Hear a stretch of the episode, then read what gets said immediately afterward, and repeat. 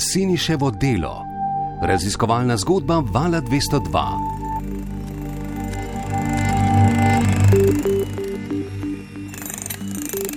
Dobro dan, pred nami je peti del podcasta Siniševo delo. Če nas še ne poznate, naj poveva, da sva uh, Luka Hvalc in uh, Maja Ratej. Uh, dolga pot je za nami. Tisti, ki nam sledite že vse ta čas, uh, verjamem, da veste, Bosna, Srbija, Slovenija, različna prizorišča v Sloveniji, mejne prehodi. In uh, še ena dolga je pred nami. Ja. Ja. Uh, za danes namreč hranimo našo pot v Nemčijo, ne, v Hanover, uh, kamor smo šli preveriti, v kakšnih razmerah je živel in delal Siniša. Ampak da se skupaj nekako umestiva, za tiste, ki ste morda danes prvič z nami oziroma nam ne sledite vse ta čas, za nami so zapleti na meji. To je tisti ključen preobrat, na podlagi katerega smo zasnovali prejšnji del podcasta in ki mu sledimo tudi v nadaljevanju. Ti zapleti so povezani s pripetljajem, ki se je Siniš zgodil v Hanover. Hanoru, ko so ga z gradbišča odpeljali s policijsko racijo. Ja, in takrat naprej ne, ima Siniša na meji stalno uh, težave. Ja, od takrat naprej namreč ima v svojem potnem listu en poseben zaznamek, zaradi česar so se vse te meje, ki so bile predtem skoraj da prepustne za njim, zdaj spremenile v zid. Ja, nekakšen hanoverski zid morda. Ne. Vi ste se upravili prav tja, ne, na prizorišče, kjer se je pred dvema letoma vse skupaj dogajalo. Ja, marca smo odšli tja, z avtom smo se odpeljali proti Hanoveru in najverjetneje te zanima, Luka, ne? če smo res odkrili vse to, o čemer je pripovedoval Siniša, da so torej spali v nemogočih razmerah uh -huh. v tako imenovani hiši, v kakršni bi v kakršnem nekem domišljijskem romanu prebival Drakula in podobno. Uh -huh koja je zarasla u, u šiblje, u mahovinu. Razumijete? To je kao, kao dvorac iz Drakulnog filma. Zdaj, Hanover ne, je daleč. Ne. Ja, je tisoč kilometrov bolj proti severu. Veliko mesto ne, za dve ljubljani, skoraj ne pol milijonsko. Ja, pol milijonsko mesto leži ob reki Lajne, to, si, to sem si mm -hmm. zapomnila. In je na približno podobni geografski širini kot naprimer Berlin, ne, le da približno rečemo 100 km zahodneje. Relativno dolgočasno mesto, ne, ampak gradi se pa. Na veliko. Na, veliko. na veliko, na vsakem koraku lahko človek opazi takšne in drugačne gradbišča. Sicer pa je mesto tako, da je vtis nekega mm. hladnega, vetrovnega, sevrnjaškega mesta, tistih tipičnih opečnatih fasad. Uh, spomni se, da je center mesta brlel v nekakšni mm. delovni rutini, ljudje so bili v krču in so hiteli, hiteli v službo. Um, stanovansko obrobje pa je bilo v tistem času, šlo je za delovni dan, za dopoledne, ne, skoraj da prazno. Tako da v bistvu nič posebnega. Mesto pravzaprav ni nič posebnega, razen potem, da se v bistvu njem na veliko gradi. Spominjam se, ko ste se vrnili ne, za njo, pa Janom, ne, in ste pripovedovali, ne, da mimo idoči, ne, torej domačini, ki živijo v Hanovru, prikimavajo, ne, da je tu je delovna sila na gradbiščih, tako kot stalnica, ne, pa ne samo v Hanovru, v, v Nemčiji. Ne. Tako je. Ja. Ekipa Vala 202 je najprej obiskala tisto stanovansko sosesko, kjer je leta 2015 delal Siniša in odkudr ga je odpeljala policija. In zdajšnji prebivalci se so bili kar zgovorni, dejansko spominjajo tistih obnovitvenih mm. del, ne z največjim zadovoljstvom. Billige Länder kommen. Ja? Ja. Hier, hier sowieso, ja. Die haben gar kein Deutsch gesprochen. Ja. Die haben sie billige Arbeitskräfte geholt und teuer vermietet. Und was sagen die Einwohner? Kaj pa menijo stanovalci? Ja, klar meckern die. Und ja, aber es ist keine Reaktion. Man muss mit der hier mit Anfall dagegen. Weil äh, die Häuser würde gleich 100 Euro oder 120 Euro teurer, ne? As far as I noticed, Kot sem opazila, jih gradbena podjetja zbirajo z vseh vetrov. Delavci se težko sporazumevajo med sabo, delo, ki ga upravljajo, je na neki način zanemarjeno. So, yeah, we, we take um, workers from other countries, especially Poland or something, to let them work here for low prices or yeah, low loans. Vi ste šli uh, po sledeh delavca Siniša Marinkoviča tudi v del mesta, v katerem so Siniša in kolegi živeli, ne kadar seveda niso delali. Ja, Po tem, ko smo dobili naslov tiste hiše, smo se torej odpeljali v posem drugi del mesta, nekako v ta jugovzhodni del mesta, kjer je, so bile take stanovanske hiše. Uh, v bistvu smo bili na začetku kar presenečeni, ne? pričakovali smo neko uh, razpadlo, umah oblečeno hišo na obrobju mesta, v bistvu smo pa dobili drugačen pogled. Šlo je za skoraj da že obnovljeno hišo, čakala je na svoje prebivalce, nekako si lahko samo si predstavljal, da bo tam v do kratkem živela neka družina z otroki in tako naprej. Sosedska je bila relativno mirna, čista. Trenutno stojiva na enem takem manjšem gradbišču, dve hiši, eno zraven druge obnavljajo. In ena je tista, v kateri je nekaj časa živel tudi Siniša Marinkovič. Skupaj z drugimi delavci iz tujine, ki so delali tukaj v Nemčiji, zdaj se je lastnik se je vmes zamenjal in zdaj hišo prenavlja. Tako da je pa to ena taka mirna, lepa ulica. Ampak zanimivo, obnavljal je pa tudi človek Tako. z Balkana, ne, z Bosne in Hercegovine. Tako, ja, tam smo spoznali Emirja, praktično smo imeli kar srečo, da, da smo ga srečali. To je bil človek, ki je v zadnjih nekaj mesecih kupil tisto hišo in jo temeljito prenovil, se pa spominja mhm. prebivalcev in stanovalcev. To je zanimivo, to si ni še vedno ne, eh, pove, kako je bilo, kakšen šok je bil, ko so se naselili tam, ne, da so bili eh, od temnopoltih eh, Romov praktično cel Babilon. Tako je. Delavcev je živelo. Wie viele haben tatsächlich hier gewohnt? Ich sage mal so zwischen 15 bis 20. Tam naj bi živelo na tem naslovu približno od 15 do 20 ljudi in eh, nad tistimi razmerami Emir, ne, ki je sicer tudi sam, eh, kot je rekel, neke vrste prišel iz Bosne že pred desetletji in si potem v Nemčiji ustvaril kariero, Emir ni bil navdušen nad tistim, kar je videl. Ne. In wie fanden Sie diese Bedingungen? Schlimm, also schlimm, ja, aber das ist ganz, gibt es ganz viele so. Ich habe von Hören sagen, weil ich auch Kontakt habe mit unseren Številni pridejo iz nekdanjih držav Jugoslavije, da bi kaj zaslužili in šli domov. Delavci na gradbiščih, sezonski delavci, stanovanja so predraga, moteli in hoteli tudi. Potem pa najdejo takšne hiše solche Häuser. Ampak, Maja, če poskusimo spet malce pogledati iz distance, ne, vrniva se k pogovoru z novinarko Klaudijo Gerkov. Eh, ona ne, je Siniša v primeru pisala kot reprezentativen in pa eden hujših, kar jih je kdaj eh, raziskovala. Ti si se z njo srečala v Minhnu? Ja, problematika z napotenimi delavci v Nemčiji je tako razlaga Klaudija, po njeno množičen pojav, ki običajno poteka po nekem enovitem vzorcu. In mislim, da je dobro, da na tej točki naše zgodbe spoznamo ta vzorec, ker je praktično identičen v katerikoli državi. Ne? Začne se. It's always the same pattern. So it was like the German um, companies Vedno gre za neko nemško podjetje, ki zahteva najugodnejšo izvedbo naročenih del. In ker pri gradbenem materialu ne moreš vrčevati, saj se tu cena ne spreminja, pač skopariš na račun delovne sile. In kaj je najpogostejši korak, ki sledi? Usmerijo se čez mejo. Tako prehajamo na naslednjo stopnjo, na raven podizvajalcev. Ti so ali nemški ali odkot drugot, a ključna točka preloma je bila vedno v Sloveniji.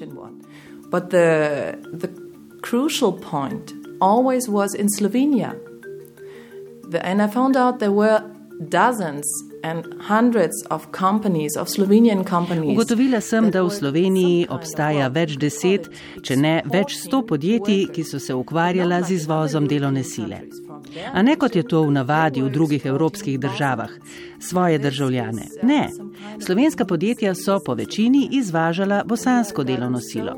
To daje Sloveniji unikaten status. It's in fact a business, or you could name it human trafficking.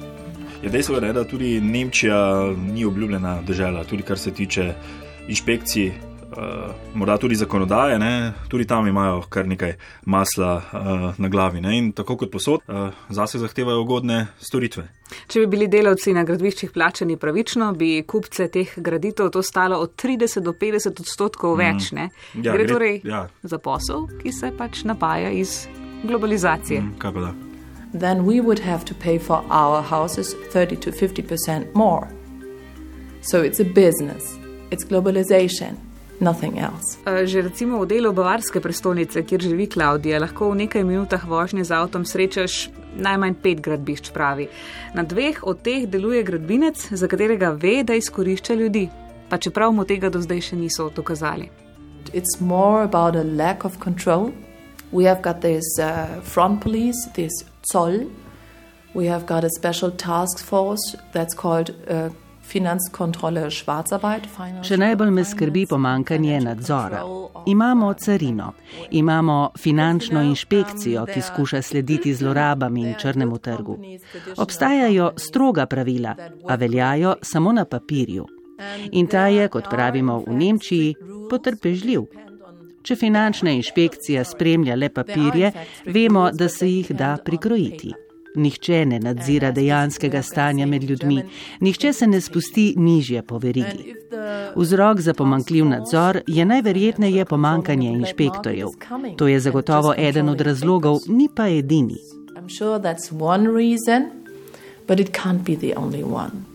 Je pa verjetno podobno kot pri nas, ne? vse delavci to veliko krat uh, izpostavijo, ne? da so nekatera podjetja skoraj da sveta, ne? da se jih ne uh, preizkuje. Ne? In uh, tudi v Nemčiji ne? ti je Klaudija potrdila isto tezo. Ne? Ja, res je, nekaterih podjetij se preprosto ne preizkuje. Rumors, uh,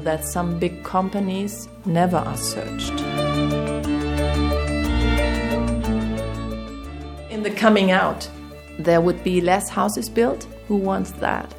Če bi strogo nadzirali vse, bi bilo manj graditev, manj končanih graditev. Kdo bi si tega želel? Gradbena industrija na Bavarskem še vedno cveti, gradijo nove soseske, vse več ljudi se seli sem. Potreba po hitri in ugodni graditvi je torej velika.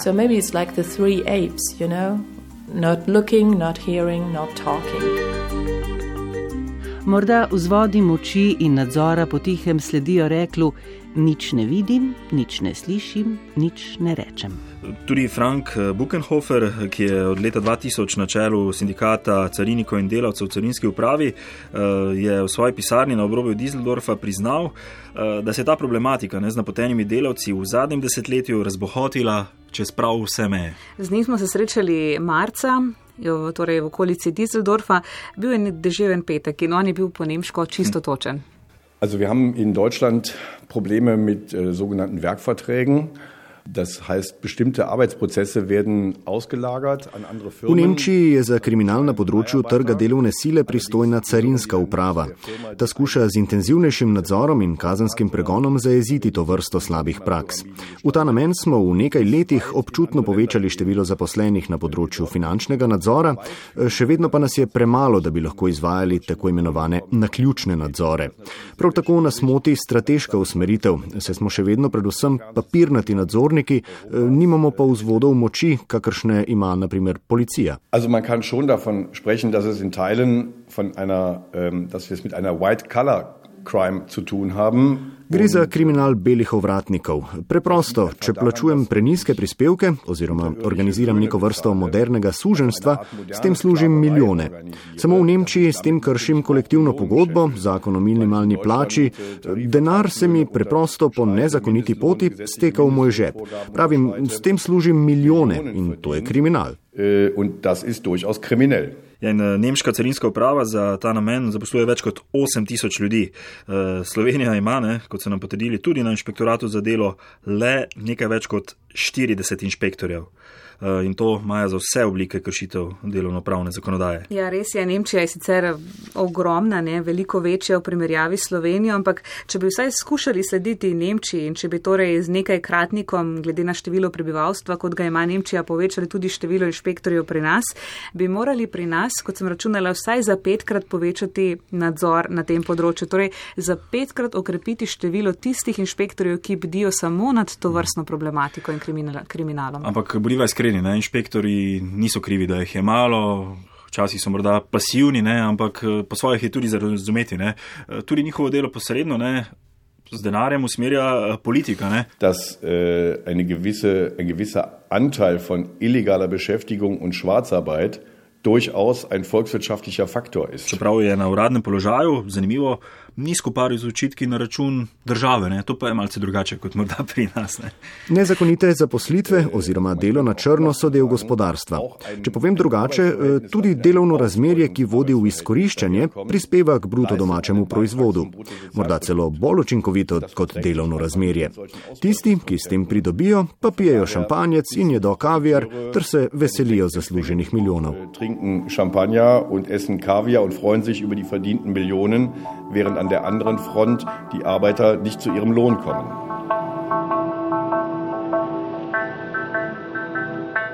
Ja, takšna je torej realnost na eni strani, drugo stran pa do obisti pozna Nadija Kluge iz organizacije Fair Mobilitet, eh, ki se ukvarja prav s svetovanjem delavcev imigrantov v Nemčiji. Eh, njena pisarna je v Minhnu, po naglasu, ko sem jo spoznala, pa sem sklepala, da je tudi sama priseljenka v Nemčiji. In kar je mene po svoje vseeno presenetilo, ne, je to, da Nadija zaznava učiten vzorec ne, in Slovenija pri vsem skupaj igra posebno in ne lepo vlogo. Maj, also, es, sieht so aus, als wenn Slowenien Drehkreuz ist. Also, das, Zdi se, da je Slovenija neke vrste križišče ali vrtiljak takšne delovne sile za Evropo. Njena niša je, da lahko izdaja dovoljenja za delavce iz nečlanic Evropske unije. Prek Slovenije v našo državo pride ogromno bosancev, srbov, makedoncev, albancev, a presenetljivo malo slovencev. Nekaj torej ni prav. Aus Slowenien nach Deutschland kommen aber sehr wenig Slowenen dabei sind. Also irgendwas stimmt nicht.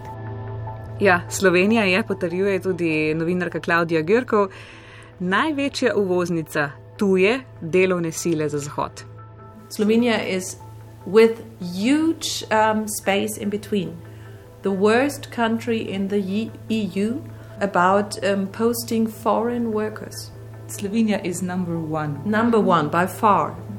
Sicher. Ja. Um, Maja, to so zelo ostre, lahko rečemo skrajno ostre obtožbe, ne? ampak zagotovo nekaj bože na njih. Ne?